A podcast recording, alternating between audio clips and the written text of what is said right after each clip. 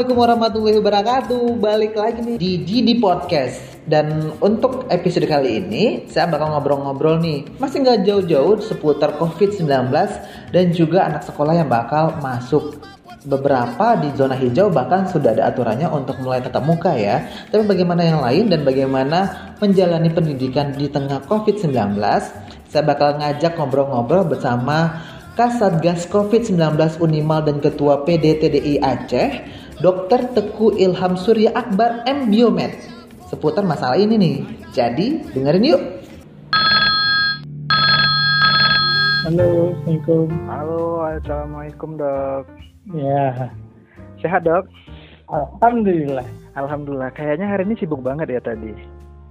Iya kan ada ujian UTBK ya. Oh, Jadi- gitu. Jadi ini kita jadi tenaga medis. Kemudian tahu sendiri karena kita kasat gas kan pantau lah ya. Hmm, hmm, hmm, hmm. Ya, sehari-hari dokter disibukkan terus dengan soal uh, urusan COVID ini kayaknya ya. Eh, karena saya sebagai ketua gugus tugas eh, COVID-19 di lingkungan universitas ya kegiatannya yaitu ya, Alhamdulillah. jadi ya ngelakuin eh, pencegahan semuanya ya. Eh, gimana perkembangan di sana dok? COVID-nya dok? Eh, di sini di sini ya secara garis besar eh, kalau kita lihat dari data dinas kesehatan itu di provinsi Aceh kan Hmm. sudah 87 ya yang Hmm. positif. Wow, iya Hmm. iya iya. Aceh Utara sendiri ada 9 kasus, Los Maue itu ada 7 kasus. Jadi ya kalau ditanyakan di kita seperti apa ya eh, Universitas Malikul Saleh ya di antara itu Di ya. antara itu Kita ya. Kita masuk wilayah Los Maue karena eh, kampus ada dua universitas itu ada Cunda Fakultas Kedokterannya kan. Hmm. Kemudian ada di Lancang Garam dengan magisternya, dengan kuliah hukumnya juga ada di situ. Kemudian wilayah Jawa Utara ada Relut, ya. Iya. Kemudian ada Bukit Indah juga seperti itu. Iya, iya. Nah, dok, eh, seperti kita rencanakan eh, di awal nih, kalau kita kan mau ngobrol-ngobrol nih seputar soal COVID-19 di Indonesia ini, gitu ya, Iya, kan, iya. yang sampai sekarang kayaknya tuh makin bertambah bertambah terus gitu ya kan perharinya bertambah seribuan seribuan seribuan bahkan sampai sekarang Mhm. itu totalnya udah hampir hampir mencapai 60 ribu Mhm. ya di Indonesia menurut Mhm. dokter apakah ini sudah puncaknya atau belum ya Eh, menurut saya mungkin eh, di- dikatakan puncaknya adalah apabila kita sudah melakukan pemeriksaan secara menyeluruh. ya. Oh, Namun sampai saat ini boleh kita bilang eh, di kita hanya melakukan pemeriksaan bagi mereka-mereka yang in case-nya memiliki gejala ya. ya, ya. Dan eh, ya cukup memberikan apresiasi bagi pemerintah saat ini mungkin salah satunya di pemerintah eh, provinsi Aceh yang memang eh, di beberapa daerah kan mencoba melakukan screening secara lebih besar ya. Contoh saat ini mungkin di kota Banda Aceh sendiri wali kotanya juga sudah memfasilitasi bekerja sama dengan perguruan tinggi setempat untuk bisa melakukan screening besar-besaran. Kemudian kalau di wilayah Aceh Utara dan Maue, ya, eh, dari kepala daerahnya, bupati dan wali kotanya juga menerapkan hal yang sama, ya. Dan saat ini mungkin lebih mungkin di gaweannya kami untuk Satgas Universitas Malikul Saleh kita eh, pimpinan kita rektor dalam hal ini eh, Dr. Herman telah memberikan mengeluarkan surat edaran bagi bagi setiap eh, mahasiswa dosen ya yang berasal dari luar provinsi Aceh yang akan ke kembali ke kampus itu wajib melakukan pemeriksaan uh, dan surat ya surat kesehatan yang disertai pemeriksaan COVID-19. Oh, Jadi gitu. itu juga menjadi salah satu boleh kita bilang salah satu preventif ya. yang saat ini uh, harus kita lakukan dan itu merupakan apresiasi ya dan harapannya mungkin untuk ke depannya juga uh, ini bisa dibuat seketat seketat mungkin ya menurut uh, saya ya. Mm-hmm. Jadi di perbatasan itu uh, uh, butuh kerjasama para pihak ya, untuk bisa melakukan pemeriksaan siapa pun yang akan masuk ya keluar masuk wilayah terutama apalagi di beberapa wilayah yang memang masih zona hijau itu juga ya wajib dilakukan pemeriksaan itu. Jangan sampai nanti ya eh, sesuatu yang tidak kita inginkan bisa terjadi ya. Jangan lalai lah ya dok ya mentang-mentang hijau gitu ya kan jadi merasa ya. merasa kebal sendiri aja gitu ya betul apalagi di beberapa di kita perlu diketahui bahwa kan eh, penetapan zonasi itu berdasarkan jumlah penderita COVID ya. ya sehingga paling besar misalnya nih kita bilang sekarang eh, dari data ya dari hmm. data hmm. Di provinsi Aceh mungkin salah satu wilayah yang memang cukup besar itu kan ada di Banda Aceh kan ya. yang di kemudian diikuti dari wilayah yang lainnya dan itu menjadi salah satu penerapan dari pemerintah juga menerapkan bahwa wilayah mana yang zonasi merah, kuning hmm. dan hijau ya. Yeah. dan itu juga menjadi warning bagi kita agar memang harus waspada, terutama mungkin wilayah-wilayah yang uh, seolah-olah kita masih zona hijau ya, ya. atau wilayah-wilayah yang masih uh, ya seolah-olah tidak tersentuh. Padahal kita tahu bahwa apa yang dilakukan selama ini boleh kita bilang belum maksimal. Kenapa belum maksimal? Uh, pemeriksaan secara menyeluruh itu belum dilakukan sehingga apa? yang dilakukan pemeriksaan saat ini yang kami lihat uh, hanya uh, mereka yang memiliki gejala seperti batuk pilek, kemudian ada demam, ya, kemudian mempunyai faktor resiko keterpaparan yang cukup tinggi. Contoh dia baru pulang dari uh, zona merah, ya, sehingga di situ baru dilakukan pemeriksaan. Padahal perlu diketahui beberapa kasus itu tidak memberikan gejala apa pun ya sehingga apa sehingga kita misalnya ada orang yang tidak memiliki gejala padahal dia positif ya itu menjadi suatu hal yang cukup uh, berbahaya. Pada saat uh, mereka tidak mengetahui dirinya positif namun tidak menuruti protokol COVID-19 ini ya. Salah satunya adalah ya pakai masker ya tidak boleh tidak dianjurkan untuk berkumu, berkerumun di tempat ramai ya uh, dan itu yang sering banyak sekali dilanggar ya. Iya. ini warung kopi uh, kayak nggak ada apa-apa aja gitu ya, ya? seperti tidak ada apa-apa. Dan itu yang paling penting ya sebenarnya. Uh, terkadang kita baru merasa ini menjadi suatu momok atau menjadi suatu ancaman pada saat ada keluarga terdekat kita, family kita, atau bahkan diri kita mengalami itu semua, ya. Saat Dan lanjutan mata ya dok ya. Itu baru baru ya, karena memang yang menjadi kendala saat sangat besar saat ini adalah yang kita lawan ini adalah musuh yang tak tampak. Ya. ya. Ini kan uh, sar apa uh, COVID-19 penyebabnya SARS-CoV-2 ini adalah uh, ya virus yang memang nggak nampak. Hmm. Dia musuh yang memang ada tapi tak tampak. Hmm. Beda dengan musuh yang memang nampak di hadapan kita. Sehingga apa? Kalau musuh yang tampak, kalau emang dia ada di dekat kita, kita bisa menghindar atau bisa memberi ya uh, membunuh dia ya. ya, ya. Yang terjadi, namun yang terjadi adalah musuh kita ini tak tampak dan ada di sekitar kita. Sehingga apa? Langkah yang cukup baik yang kita lakukan atau langkah yang memang cukup logis saat ini yang harus kita lakukan adalah ya preventif.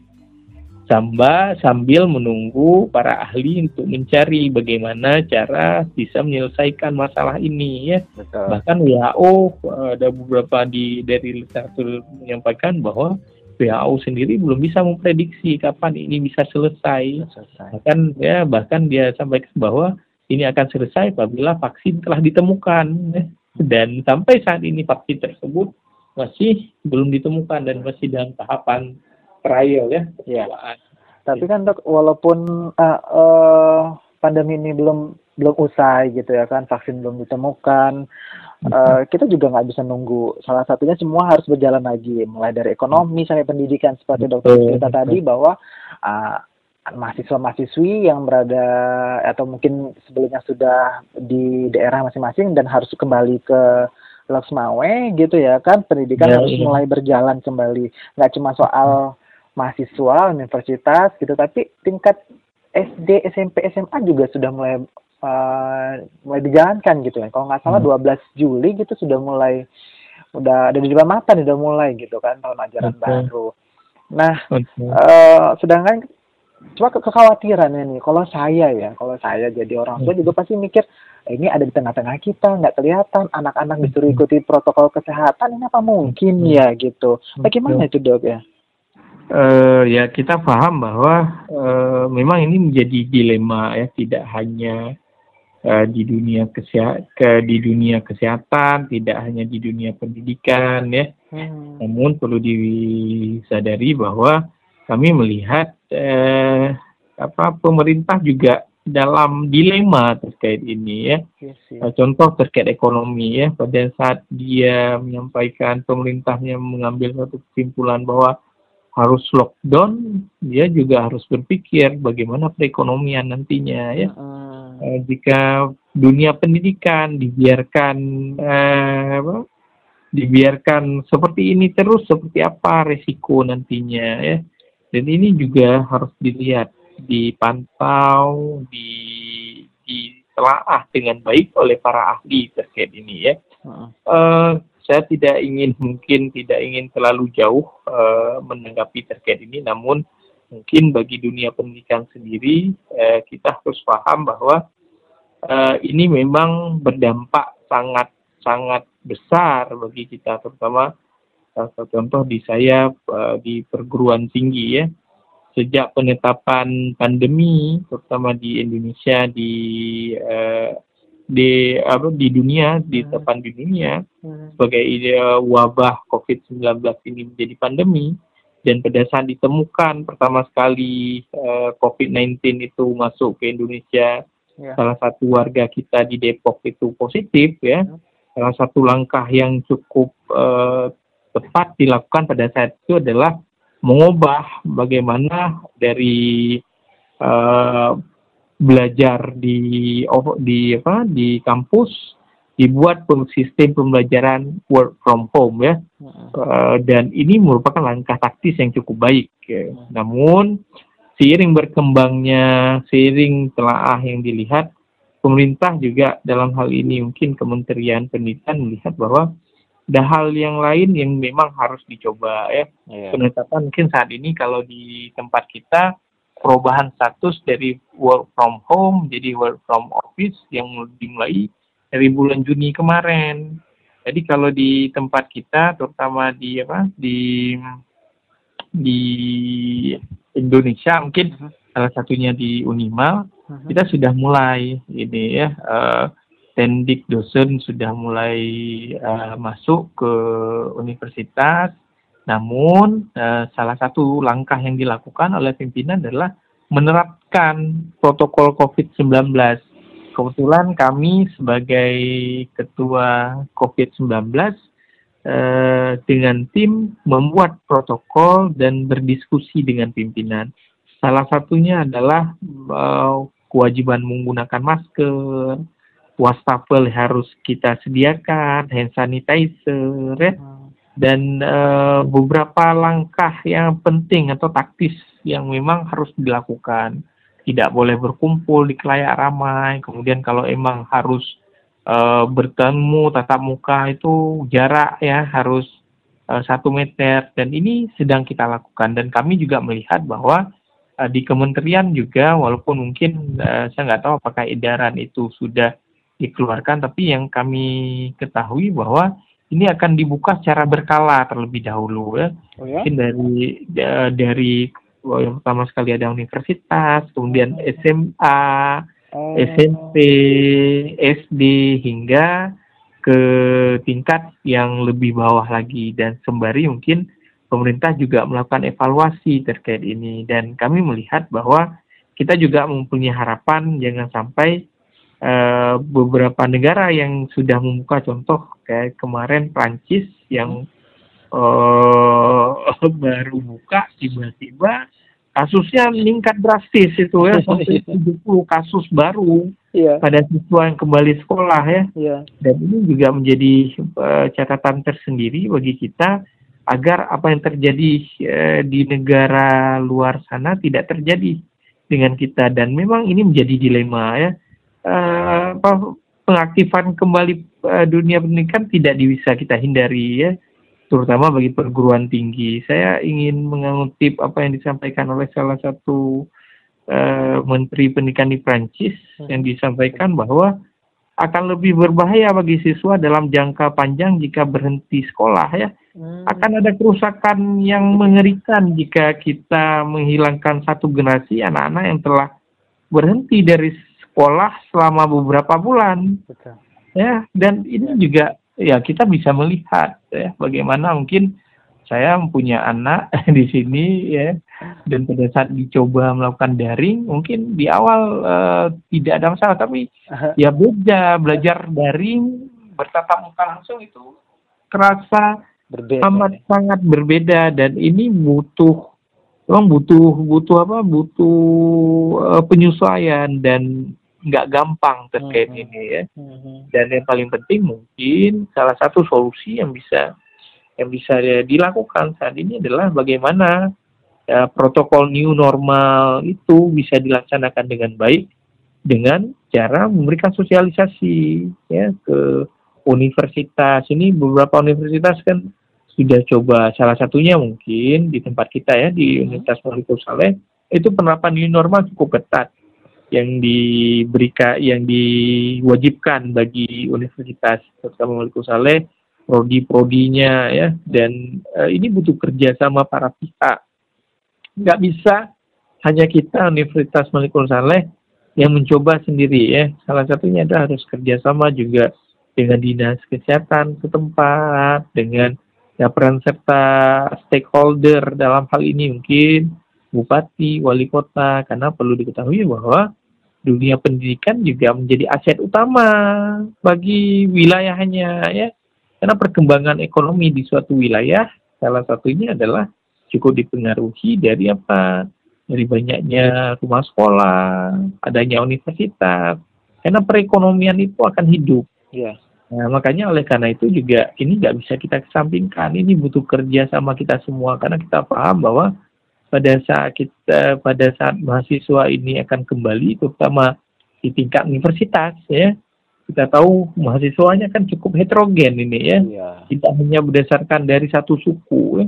Iya. ada banyak ya dari Medan dari Jawa sehingga pada saat bagi mereka mereka yang berasal dari suku luar Aceh atau berasal dari di luar provinsi Aceh yang akan kembali mengecam dunia pendidikan ya di kampusnya khususnya ini harus preventif bagi kita. Salah satunya adalah penerapan protokol, pemeriksaan COVID-19 yang nggak bisa kita jadikan eh, nggak bisa ditawar terkait ini ya. Hmm. Namun ini juga menjadi catatan tersendiri berapa persentase mahasiswa yang kita yang mampu iya. untuk mau dilakukan pemeriksaan Masalah baru lagi dong ya dong. Ya itu jadi permasalahan baru lagi kan.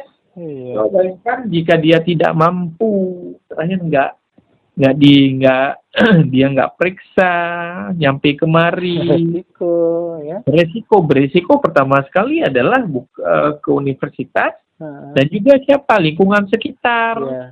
ya apalagi ya kita kenal di beberapa wilayah itu terjadi persekusi kan uh -uh. Ya, kita tahu beberapa wilayah itu tenaga medis yang memang Ya, capek-capek ngurus apa ngurus pasien covid terakhir diusir dari kos-kosannya Iya. kan? Iya. ini juga kita nggak mau terjadi bagi adik-adik kita yang akan pulang nantinya akan eh, melanjut lagi studinya ya. Iya. dan ini cukup berdampak. Coba bayangkan pada saat ini terjadi maka yang terjadi apa? Dia khawatir paranoid ya. Sehingga dia apa? Akan timbul.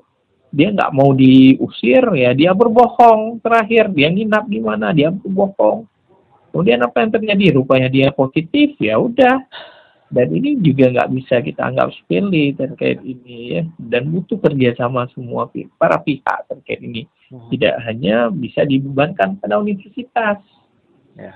Hmm, Ya, Tapi itu kan kalau di perguruan tinggi nih dok, katakanlah mahasiswa atau peserta didiknya juga cukup cukup cukup mengerti tentang protokol Hmm. kesehatan. Bagaimana kalau Hmm. seandainya sekolah tingkat SMP, SM, SD gitu misalnya dok, itu kan juga punya masalah yang cukup serius juga ya dok. Betul. Menurut kami untuk tingkat sekolah itu ya, eh, salah satu langkah awal yang harus dilakukan adalah hampir sama dengan universitas ya. Jadi eh, ibarat pada saat kita ingin menerapkan suatu peraturan, nggak boleh seperti ini, seperti ini, seperti ini, kita juga harus memfasilitasi eh, terkait itu semua. Contoh, mm, standarisasi WHO eh, untuk pencegahan COVID-19 ini adalah apa? Yang pertama sekali adalah penggunaan masker. Yang kedua adalah apa? Sering cuci tangan. Ya. Jadi apa langkah yang harus dilakukan oleh rumah sekolah? Menyediakan itu semua. Jadi pada jangan sampai pada saat kita himbau untuk sering cuci tangan, metempat rahjaroh nah kan? Ada ada tempatnya, ada tempatnya nggak ada airnya, ada airnya ada Ada- sabunnya. Sorry, sorry saya pakai bahasa Inggris terusan. jadi jadi hal-hal seperti itu, jadi hal-hal seperti itu juga harus dilihat. Jangan Ya. jangan eh, kalau bahasa Acehnya no action talk only. Jadi itu itu sangat penting untuk kita lakukan. Kalau kita nggak bisa melakukan atau eh, melakukan itu semua ya ya nggak akan tercapai outcome-nya kan. Ya, ya. Jadi contoh sedia ma siapa eh, untuk wastafel kemudian dilarang berkerumun ya. tapi anak sekolah kan nggak mungkin nggak berkerumun Iya. jadi salah satunya apa jaga jarak ya Eh, dia sebaiknya itu dua meter ya minimal itu satu setengah meter itu satu meter ya dan dari droplet ya. itu ya itu itu kita buat itu kita buat kita laksanakan jadi tidak hanya lips saja tidak hanya kita sampaikan di mulut saja tapi itu kita terapkan standar-standar seperti itu Kemudian berikutnya kalau emang terkait fasilitas masker yang nggak mungkin kita beli di rumah sekolah, ini buat himbauan bahwa seluruh anak sekolah yang uh, akan masuk itu wajib menggunakan masker, kalau nggak nggak boleh masuk. Hmm.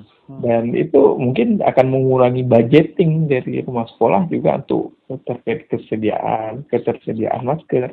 Jadi hal-hal seperti itu. Jadi edukasi seperti itu yang harus dilakukan ya. Dan kalau kita nggak melakukan itu semua, ya tunggu saja ya. Eh, eh, Seperti yang tadi ditanyakan bahwa ini belum puncaknya loh ya. Iya, iya. Kenapa? Jangan lah, Karena jangan kita belum melakukan secara maksimal protap itu semua, belum kita laksanakan secara maksimal pemeriksaan menyeluruh terkait eh, keterpaparan atau resiko COVID-19 yang kita miliki. Itu. Tapi kan nggak mungkin juga atau mungkin eh, bisa dikatakan ini tidak hanya PR rumah sekolah gitu kan untuk melakukan pencegahan. Orang tua juga bisa ikut andil. Betul. Bagaimana Saya sangat disarankan setuju. kepada orang tua? Jadi saya sangat setuju. Jadi eh, di literatur yang ada bahwa untuk mengubah perilaku itu bukan di rumah sekolah semata, dimulai dari apa? Dari keluarga, dari lingkungan keluarga ya, kemudian lingkungan, kemudian rumah sekolah. Namun dalam hal ini keluarga memiliki peran yang cukup penting itu semua ya. Namun saya lihat terkait edukasi itu kita sudah melihat bahwa pemerintah sudah cukup eh, baik memberikan eh, edukasi yang dilakukan salah satunya adalah eh, melalui radio yang memang setiap hari itu salah satu radio milik pemerintah RRI itu punya punya program khusus kan terkait Hmm. COVID-19 ya Mhm. dari pagi sampai malam malahan dia itu terus dia buat kan dia dia sampaikan dia sampaikan kemudian di TV juga sebentar-bentar itu itu ya dan mungkin eh, sekarang ini mungkin setahu saya juga eh, di masing-masing gampung itu ada satgas COVID-nya juga untuk melakukan pemantauan. Namun saya nggak tahu bagaimana tupoksinya dari mereka, apakah hanya melakukan pemantauan atau juga memberikan edukasi. Sebenarnya cukup baik jika mereka juga eh, diberikan peranan dalam memberikan edukasi ya. Mungkin setiap hari Minggu itu bisa bisa memberikan edukasi ya. Namun eh, juga tak kalah penting ini ini terkadang sering kita lupakan bahwa kita provinsi Aceh ini provinsi syariah. Segala sesuatu itu sangat sangat didengar oleh masyarakat adalah apabila itu mengandung nilai-nilai agama keagamaan Hmm. yang memang disampaikan langsung oleh siapa? Oleh mubalik mubaliknya kita, oleh siapa? Oleh ulamanya kita. Mhm. Sehingga apa? Ini bisa linier dengan program yang diinginkan oleh pemerintah. Ya, Ya. pada masa Nabi seperti apa disampaikan bahwa pada saat ada suatu wabah itu bagaimana? Mhm. Disuruh kalau emang kita dalam suatu wilayah yang memang ada wabahnya, kita sudah terpapar, ya, atau lingkungan sekitar kita itu sudah terpapar apa? Kita nggak disuruh apa? Isolasi diri, nggak boleh keluar dari wilayah wabah tersebut. Kemudian orang yang yang tidak terpapar dengan wabah itu apa yang harus dilakukan? Dia juga tidak boleh melakukan apa? Melakukan berpergian ke tempat wabah. Itu sudah diajarkan di, di masa dahulu bagaimana protap yang harus dilakukan pada saat wabah itu terjadi. Dan ini ini akan sangat berarti ya apabila mungkin kalau kita yang sampaikan mungkin contoh dokter Ilham sampaikan so ya kan kan deh kan kan jadi nggak nggak nggak nangkap nah, tapi pada saat disampaikan oleh mubalik ya oleh ulama ya ini langsung nempel dia ya. Mhm. Bahkan bahkan itu sebenarnya sudah kita sampaikan berulang-ulang tapi enggak karena ikap karena ipate karena ikap ya enggak enggak enggak enggak ini ya tapi pada saat disampaikan oleh seorang mubalik ya seorang Oh, ulama. ya, ya, ya, ya jadi hal-hal seperti itu. Dan ini mungkin perlu diketahui bahwa ini butuh kerjasama kita semua. Benar. jadi nggak bisa hanya leading sektornya ya udah dinas kesehatan saja atau hanya kampus saja Mhm. atau bupatinya saja atau wali kotanya saja nggak bisa. Bisa. Ini butuh kerjasama kita semua, butuh apa kita bergandengan tangan untuk bisa mengatasi ini semua. Karena apa? Karena ini masalahnya ada di depan mata kita Iya. dan siapa saja bisa terkena untuk ini. Jadi eh, langkah yang memang harus dilakukan mungkin eh, adalah pemerintah mengajak para ulama ya mengajak para saintis dalam hal ini yang memang ahli pak- kepakarannya di bidang kesehatan juga diajak kemudian dinas-dinas terkait untuk duduk bersama untuk membuat program bagaimana memberikan edukasi yang baik bagi siapa masyarakat ya. Kemudian apa? Langkah ya setelah kita buat edukasi ya sosialisasi edukasi kemudian apa? Buat langkah langkah konkret kita capek berkoar-koar cuci tangan cuci tangan. Tapi nggak ada disediakan kan? Nonsen juga. Hmm. disediakan itu tempat cuci tangan di area publik sehingga apa bisa cuci tangan. Contoh saat ini kan beberapa supermarket juga menerapkan itu. Itu Ya. sudah cukup bagus. Pemeriksaan suhu sebelum dia masuk itu sudah cukup bagus. Pakai masker sudah cukup bagus. Beberapa supermarket bahkan warung kopi itu ada menyediakan juga wastafel yang dia buat Iya. itu sudah cukup bagus ya. Bagaimana itu bisa digalakkan ya di tempat-tempat yang area publik yang lebih luas tempat bermain. Dan ini cukup saya saya rasa itu butuh apa? Butuh effort lebih dari siapa? Dari pemangku kebijakan. Nggak bisa.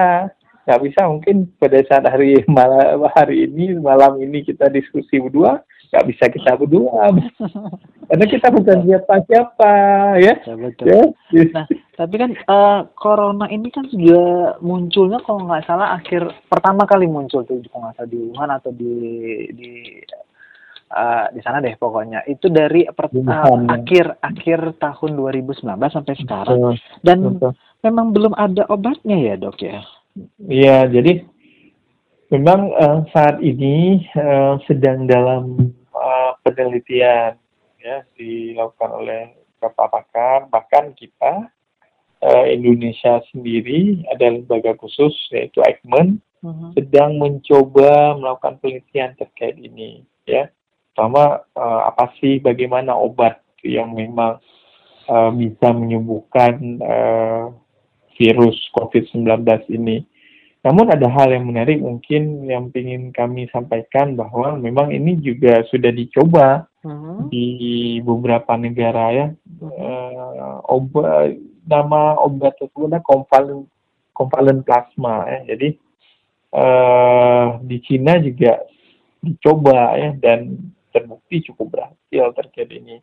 Di pasien-pasien yang pada awalnya itu positif ya, hmm. kemudian setelah itu dia dinyatakan sembuh, kemudian diperiksa titer antibodinya, kemudian dicoba uh, untuk melakukan donor ya, donor plasma ya. Jadi kita sebut dengan uh, kovalen plasma. Ya. Oh. Jadi uh, diambil plasmanya itu, kemudian diberikan plasma tersebut kepada orang yang memang uh, apa uh, gejala klinis, dia sudah dinyatakan positif corona dan gejala klinisnya itu memburuk, dicoba berikan itu dan di beberapa uh, case itu cukup berhasil. Cukup berhasil. Uh, dan dan itu juga sedang diteliti. Mungkin uh, perlu diketahui uh, Bapak Yusuf Kala dari Palang Merah Indonesia, ya, Ketua Umum PMI juga saat ini sedang bekerja sama dengan Eijkman dan juga Kementerian Kesehatan juga melakukan kerjasama me, me, mencoba melakukan penelitian ini ya. Pusat penelitiannya mungkin di kalau nggak salah saya di rumah sakit RSPAD hmm. eh, rumah sakit Angkatan Darat di Gatot Subroto tuh ya. Hmm. itu melakukan coba melakukan penelitian ini. Dan memang eh, yang saya coba saya beberapa kali mengikuti webinar yang dilaksanakan ya terkait ini baik itu dari uh, luar maupun dari dalam dari kita lokal uh-huh. uh, yang memang uh, dari hasil pemaparan dari para ahli memang memberikan efek terapeutik cukup baik bahkan uh, saat ini mungkin perlu diketahui juga beberapa PMI itu uh, melakukan itu ya. Contoh Surabaya yeah. Jakarta rutin ini ya uh, melakukan itu melakukan uh, uh, konvalen plasma ya. Jadi jadi ini juga menjadi suatu titik terang ya bagi kita semua terkait pengobatan daripada penyakit COVID-19 ini sendiri. Tapi kan gini, beberapa yang didengar gitu ya kan dari hmm baik dibaca ataupun dengar dari pemaparan orang gitu hmm. uh, tentang uh, ini kan virus. Katanya virus hmm. itu tuh nggak ada obatnya. Yang ada tuh adalah vaksinnya. Berbeda dengan kayak bakteri mungkin atau penyakit penyakit lain yang yeah, bisa yeah. dimusnahin dengan obat. Tapi kalau virus yeah. itu enggak. Benar nggak? Iya yeah, benar jadi uh, beda antara virus sama bakteri ya. Virus itu memang uh, jelas eh, apa sorry ya bakteri itu memang jelas ya eh, bagaimana fase dia masuk ke dalam tubuh hmm. kemudian bagaimana proses penularannya hmm. kemudian bagaimana pengobatannya jadi kalau emang bakteri itu eh, biasanya kita hanya kita melihat ya eh, bakteri gram gram positif kah gram negatif kah ya nanti tinggal kita berikan obat yang memang uh, masuk sesuai dengan golongannya atau bisa kita berikan broad spektrum ya spektrum luas ya jadi uh, biasanya pemberiannya adalah antibiotik ya nah, yang broad spektrum itu yang spektrum luas itu uh, contohnya amoxicillin ya. Hmm. itu biasanya uh, tinggal kita berikan itu ya udah nanti uh, bakterinya juga akan mati gitu ya. Berbeda dengan virus ya. Contoh mungkin penyakit yang memang masih saat ini menjadi uh, suatu KLB kejadian luar biasa di Yeah. tempat kita salah satunya adalah demam berdarah perlu mungkin diketahui bahwa demam berdarah itu pada saat ada pasien demam ya demamnya hari ketiga ya kemudian uh, uh, demamnya itu naik turun kemudian pada saat diperiksa uh, darah rutinnya trombosinnya turun IG, IgM-nya positif maka itu mengarah ke mana? Ke demam berdarah. Yang diberikan terapi apa? Yang diberikan terapi bagaimana daya tahan tubuh dia baik? Apa? Kalau emang demam uh, asupan cairan yang dibutuhkan itu banyak maka diberikan apa? Infus.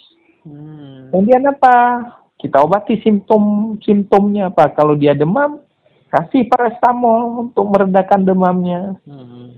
kemudian kalau emang uh, trombositnya drop kemudian kita nilai grade-nya grade 2 ya resiko perdarahan kasih. Kasih apa? Tidak dikasih antibiotik dikasih terapi.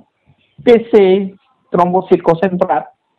Ya dikasih transfusi trombosit ya atau dikenal transfusi platelet sesuai dengan kebutuhan tidak ada diberikan uh, antibiotik, Antibiotik demam berdarah gitu ya. ada ada Gitu, yang diberikan itu. Begitu juga sama COVID ini. begitu juga ya dan perlu diketahui memang mereka itu punya apa punya punya masa Punya masa. jadi demam berdarah itu ada ada masanya ada Gitu. um, jadi demam berdarah itu masanya tujuh hari Hmm. ada fasenya. Jadi Hmm. dalam tujuh hari biasanya akan terbebas. Dan fase kritis demam berdarah itu di hari keempat dan kelima. Hmm. begitu juga dengan ini dengan COVID-19 dia ada masanya selama 14 hari.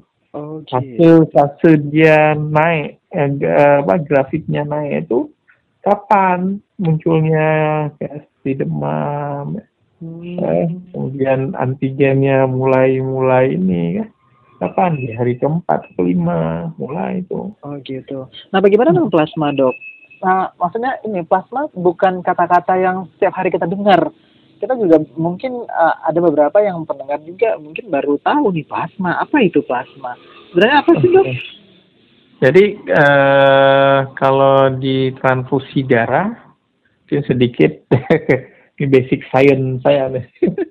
Jadi transfusi darah itu pada saat eh, seorang donor ya, maka yang diambil itu eh, whole blood, ya, whole blood ya, darah Oh, lengkap, yang ya darah darah lengkap. Darah lengkap. Oh. Nah, darah lengkap Oke. itu eh, dibagi dua, yang seluler dan non seluler. Yang seluler itu ada sel darah merah kita sebut eh, komponennya PRC, kemudian ada trombosit, kemudian kita sebut dengan PC, ya. kemudian ada leukosit di dalamnya, ya.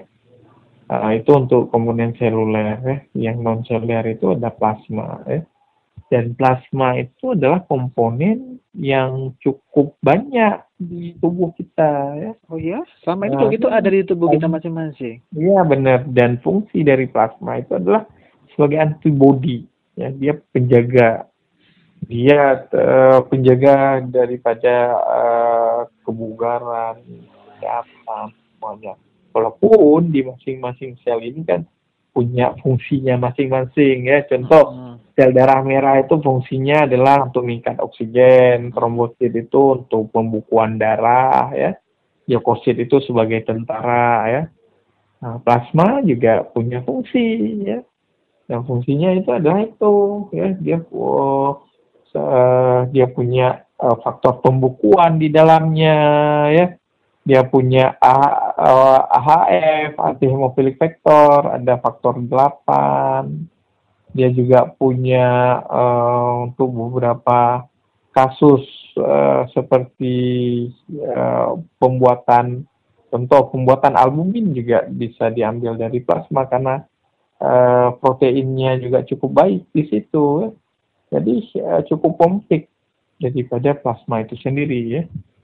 Seperti itu. Jadi memang eh, kegunaannya itu cukup banyak daripada plasma itu sendiri. Sehingga makanya uh, salah satu salah satu yang memang saat ini menjadi hot issue adalah terkait bagaimana pemakaian konvalensi plasma itu sendiri untuk mereka yang memang uh, positif COVID ya. Uh-huh. Um, harapannya bisa memberikan nah, secerca harapan ya. Yeah. Jadi uh, terapinya itu mereka-mereka yang sebelumnya positif, kemudian telah sembuh, kemudian dilakukan pemeriksaan titer antibodi yang dimiliki, hmm. kalau emang sesuai dengan standar, nanti diambil plasmanya, plasma orang tersebut yang akan diberikan nantinya kepada siapa? Sebagai penderita. Penderita si COVID tadi ya dok ya. ya Terus uh, seperti kayak tadi kita bahas bahwa uh,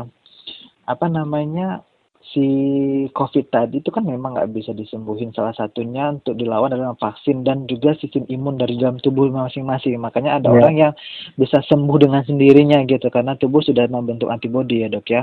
Yeah. nah terus uh, maksudnya seperti ini. Bagaimana si plasma ini uh, apa ya pengaruh apa? Maksudnya apa hubungannya gitu? Plasma ini membantu dalam dalam dalam dalam bagaimana ya jadi uh, kalau emang kita kita bahas ini emang cukup cukup, sulit ya, cukup panjang, ya, cukup panjang ya. Uh-huh. Uh, jadi perlu diketahui ini barat gembok sama kunci ya. Oh. Jadi uh, uh, antigen dan antibodi pada saat memang dia sesuai maka hmm. dia akan klop seperti contoh ya uh, sel golongan darah ya Yeah. Kenapa golongan darah yang memang berbeda itu akan menimbulkan reaksi antigen antibodi, mm-hmm. namun bagi golongan darah yang sama itu tidak menimbulkan reaksi apa pun. Yang salah satunya adalah bagaimana sistem imun yang dimiliki. Oh. Bagi mereka yang golongan darah A, dia mempunyai antigen A dan antibodi B, ya.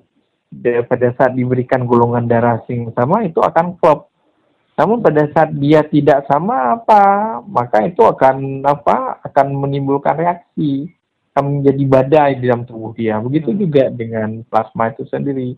Bagi mereka-mereka yang telah memiliki antibodi terkait COVID ini, ya, hmm. pada saat dia tahu, eh, pada saat eh, dia tahu bahwa kumannya itu COVID, ya, markernya sudah ada, maka apa? Dia dengan mudah untuk mematikan kuman itu sendiri. Itu itu gampangnya seperti itu. Ya contoh yeah. sama juga dengan vaksin ya. Yeah. kan beberapa vaksin kan sudah ada. Fungsi dari vaksin itu adalah pada saat dia terjangkit. Contoh ya vaksin varicella ya. Pada varicella secara ya. Okay. eh, uh, kenapa diberikan vaksin itu pada saat kita ketemu dengan kuman tersebut? Harapannya komplikasi yang dapat ditimbulkan itu tidak terjadi. Karena apa? Karena sudah ada kuman. Jadi vaksin itu kan uh, kuman yang dilemahkan. Sehingga imunitas kita ini juga tidak tidak apa? Tidak uh, mengalami gangguan ya. Uh, sehingga apa? Pada saat kita ketemu dengan itu ya, bertemu kembali misalnya satu hari ketemu dengan itu lagi, maka si tubuh sudah mengenali jadi tubuh kita ini luar biasa. Jadi punya ada sel yang memang memiliki fungsinya masing-masing. Yeah. Sehingga apa? Sehingga berdasarkan fungsinya itu dia akan ya membunuh uh, kuman yang uh, yang tadi masuk benda asingnya atau antigen kita sebut dengan antigen. Mm-hmm. Uh, jadi uh, sekali lagi mungkin untuk COVID atau plasma itu sendiri Mhm. ya itu seperti itu fungsinya jadi bagi uh, plasma itu kan mengandung banyak antibodi uh-huh. yang memang sudah ada contoh bagi mereka yang COVID-19 pada saat dia apa uh, diberikan bagi yang uh, penderita ya, harapannya apa dapat membunuh kuman itu sendiri dengan adanya antibodi dari penderita yang sudah sembuh itu tadi.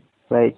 Terus ya. caranya seperti apa dok? Uh, plasmanya apakah donor plasma dan transfusi plasma seperti kayak kita donor dan transfusi darah? Iya, seperti itu. Oh, sama. Teknisnya sama seperti itu ya. Iya, iya. Hmm. Terus uh, kalau dilihat seperti dokter bilang juga tadi kan uh, ini juga sudah pernah atau mungkin sudah menjadi pilihan di berbagai negara gitu kan nggak cuma di Indonesia aja. Uh, Indonesia apakah apakah sudah cukup cukup menjadikan ini sebagai pilihannya kah atau sepertinya ini masih masih kecil gitu? Ini ini boleh saya bilang menjadi salah satu pilihan, namun memang bu, uh, sudah di hanya bisa diterapkan di beberapa center saja. Karena perlu diketahui bahwa pada saat kita ngambil plasma, dia uh, sesuai dengan dosis yang diinginkan. Jadi perlu diketahui kalau emang kita ngambil secara manual itu biasanya kita hanya bisa dapat 50 cc saja ya untuk untuk itu jadi eh, untuk bisa maksimal kita butuh satu alat tersebut dengan alat aferesis mm-hmm. di alat ini bisa mengambil sesuai dengan yield yang kita butuhkan kita bisa ngambil oh. 400 600 cc sehingga apa kita juga nggak mau ya ini kan butuh trial juga ya. Yeah. Kita nggak mau pada saat trial plasma yang digunakan nantinya itu sudah habis. habis. Hanya untuk trial, belum untuk obat kan. jadi jadi uh, ini juga punya tahapan ya, untuk plasma plasma ini dijadikan suatu terapi juga nggak bisa gitu aja ada tahapan-tahapannya oh, baru setelah itu ya setelah melalui pengujian yang sesuai dengan standar yang ada, baru plasma ini bisa diberikan kepada uh, human, pada manusia. Tapi ini cukup efektif, dok? Uh, sejauh ini cukup efektif karena beberapa negara menggunakan ini dan memberikan dampak cukup positif. Sebagai terapi pengobatannya ya? Iya. Wah, kalau gitu ini jadi salah satu harapan juga ya di antara sambil nunggu misalkan nunggu vaksin ini juga mungkin yeah. jadi salah satu alternatif untuk mem memperpanjang usia inilah pasien dok ya. ya bisa menyembuhkan lah. Bisa menyembuhkan ya. Ya harapannya seperti ini juga uh, kita punya lembaga cukup besar lembaga penelitian Indonesia itu Aikman ya hmm. yang ada di Jakarta Pusat ya di bawah RSCM Rumah Sakit eh, Cipto ya di bawah FKUI itu cukup besar tuh Ekman dan uh, eh, SDM-nya juga cukup mumpuni. Hmm. Harapan kita adalah penelitian yang dilakukan itu tidak hanya mencari obat yang sesuai, namun juga bisa mendapatkan vaksin terkait ini. Hmm. Sehingga apa? Sehingga ya harapannya ya kita bisa menjadi uh, salah satu model terkait pengobatan dan vaksin yang akan diberikan. Ya, kita belajar dari kasus flu burung yang pada saat itu Menteri Kesehatan kita cukup mumpuni ya, cukup berani ya, uh, dan kita juga mempunyai kemampuan ya. Kalau dilihat dari kasus sebelumnya ya, kita sudah pernah terjadi kasus flu burung pada saat itu dunia juga kelabakan, namun alhamdulillah eh, berkat ya tangan dingin beliau juga ya kita mampu mengatasi itu dan harapannya ini juga bisa kita laksanakan atau ya kita mampu lah insya Allah mudah-mudahan tapi. Terkait itu semua butuh kerjasama para pihak terutama pimpinan pemimpin ya hmm. karena tanpa arahan yang baik ya maka apa yang diharapkan juga nggak akan maksimal seperti itu. Nah, terkait masalah kendala-kendala yang mungkin seperti dokter uh, sebutkan tadi, uh, saya kok jadi kepikiran gini ya dok, misalnya plasma itu didonorkan dari atau uh, didonor plasma dari orang-orang yang sudah sembuh dari dari COVID yang sembuh kan cuma beberapa ya, sedangkan yang yang positifnya justru lebih banyak gitu. Apa hmm. ini nggak juga menjadi salah satu kendala baru dok? Uh, makanya itu seperti yang saya sampaikan tadi bahwa kita membutuh alat yang memang cukup mumpuni untuk bisa memaksimalkan itu semua. Ah.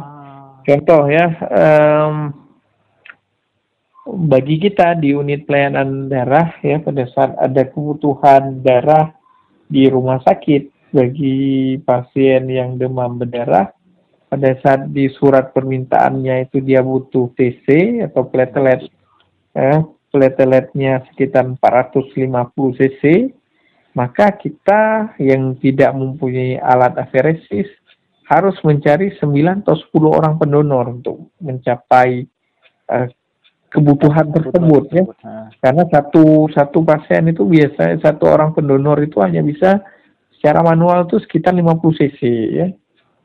Coba bayangkan butuh 450, jadi butuh berapa orang tuh di, jadi kan butuh 9 atau 10 orang ya. Iya, iya. Uh, begitu juga dengan ini ya, uh, satu aja kita kocar kacir cari iya. pendonor, ya. asli, apalagi cari segitu ya, apalagi golongan darahnya AB, resus negatif. Lagi. Aduh, udah itu lagi. Ya. Jadi maksud saya adalah kita juga harus menggunakan teknologi di sini ya, dunia juga perkembangan ilmu pengetahuan juga cukup meningkat ya, terutama di bidang pelayanan sains transfusi ya. Kita punya ya kita punya peralatan terkait uh, aferesis yang bisa membantu itu semua. Jadi jika yang disampaikan oleh Didi bahwa uh, yang sembuh beberapa, sedangkan yang sakit banyak, maka kita harus memiliki strategi yang mumpuni terkait itu. Salah satunya adalah itu jadi kita harus menggunakan peralatan yang cukup mumpuni juga sehingga apa? Jangan sampai kita menghabiskan anak peluru yang nggak perlu. Hmm. Contoh kita suruh donor dia donor plasma hmm. secara manual yang bisa kita ambil cuma 50 cc. Udah kurang ya dok. Eh, kurang dan perlu diketahui juga bagi mereka yang donor plasma secara veresis itu dia kan bisa donor uh, 14 hari ya cuma dua minggu dua minggu. Beda sama donor apa? Donor uh, biasa donor biasa ke 60 hari. Ya. namun saya mungkin saya juga harus mengetahui menyampaikan keterbatasan saya terkait apakah setelah dia donor pertama ya apakah dia dapat donor kembali 14 hari. Itu juga saya eh, nggak tahu terkait itu apakah dia bisa donor kembali atau atau ya udah kalau emang sudah donor pertama udah seperti itu dan itu juga menjadi uh, catatan tersendiri ya apabila kita bisa menggunakan teknologi yang cukup mumpuni maka uh, outcome yang didapat juga akan cukup cukup baik itu. Baik, kalau gitu. Tapi ini memang masih panjang seperti perjalanan PR juga masih banyak ya sepertinya dok ya dalam menghadapi COVID ini ya. Iya, iya. Iya, iya. Tapi kesimpulannya dok, kesimpulannya uh, untuk obrolan kita malam hari ini. Uh, mungkin kesimpulannya yang pertama sekali adalah eh, yang pertama adalah COVID-19 ini nyata ada di sekitar kita jadi harus aware ya terkait eh, ini semua. Kemudian itu yang pertama, yang kedua adalah jangan juga uh, gara-gara uh, apa yang kita obrolan kita ini juga masyarakat jadi paranoid ya. Yeah, jadi yeah. enggak enggak kayak gitu juga ya. Gitu jadi juga ya. Yang paling penting adalah melakukan tahapan yang dianjurkan oleh pemerintah uh, standar uh, WHO menggunakan masker jika keluar ya. Kemudian sering mencuci tangan, lakukan physical distancing, lakukan jaga jarak ya ikuti Jadi, protokolnya dok ya. Ya protokol itu. Kemudian kalau emang nggak perlu keluar nggak usah keluar kan. Saya main ke warung kopi ya. Jadi ini dijaga tuh di ya, warung kopi ya. Hana ya jadi hal-hal jadi hal-hal seperti itu. Karena uh, ya kita mulai dari diri kita yeah. sendiri ya. Apa yeah. kita berkuar-kuar ke yang lain tapi kita sendiri nggak aware yeah. jadi itu. Dan yang terakhir uh, ini juga butuh kerjasama para pihak, nggak bisa hanya pemerintah kita semua. Jadi kita semua menjadi apa? Menjadi penanggung jawab kapan berakhirnya COVID-19 ini. Gitu. Yes, oke okay deh. The last but not least, dok, harapan dokter nih kira-kira apa yang ingin disampaikan? Ya harapannya eh, ya segera berakhir ya. Kalaupun uh, agak lama ya mau nggak mau perlu diketahui bahwa uh, dinosaurus itu punah gara-gara dia tidak bisa beradaptasi ya dengan lingkungannya ya. Jadi kita mau nggak mau harus beradaptasi dengan apa yang terjadi saat ini. Apa adaptasi bagaimana menghadapi new normal ya. Kalau dulu kita nggak aware dengan itu semua ya dulu jarang cuci tangan kalau setelah bersentuhan nggak pakai masker ya nggak jaga jarak ya. nah, ini mau nggak mau ya mm-hmm. jadi jangan takut dibilang sombong jangan takut ya sombong hak kok kah soalnya ya yang sakit kan kita kemudian yang sakit kan keluarga kita juga ya. Mm-hmm. saya rasa apabila kita memberikan edukasi yang baik juga ya insya Allah orang yang awalnya menghujat kita dia juga paham dengan apa yang kita lakukan baik kalau gitu Dokter, terima kasih dokter atas paparannya. Terima ya, kasih banyak. Alhamdulillah satu wawasan baru, edukasi baru dan semoga aja buat para pendengar juga semoga menjadi menjadi apa ya? Menjadi uh, pemahaman baru agar tidak hmm. ada tidak ada kesalahpahaman, termakan hoax, kepanikan ya. yang tidak beralasan ya. gitu ya dok ya. Betul. Baik, gitu. Terima kasih dokter. Luar Salam buat ya. keluarga ya. Ya, udah jam 10 ya. Aduh ganggu nih jadinya ya. Eh, apa kan ini edukasi ini. Ini ya, ya, ya, ya, ya, ya, Jadi ya bagi saya ini eh, uh, amal jariah ya, ilmu yang bermanfaat. Amin. Ya. Amin. Terima kasih dokter. Ya, sama-sama. Assalamualaikum. Assalamualaikum.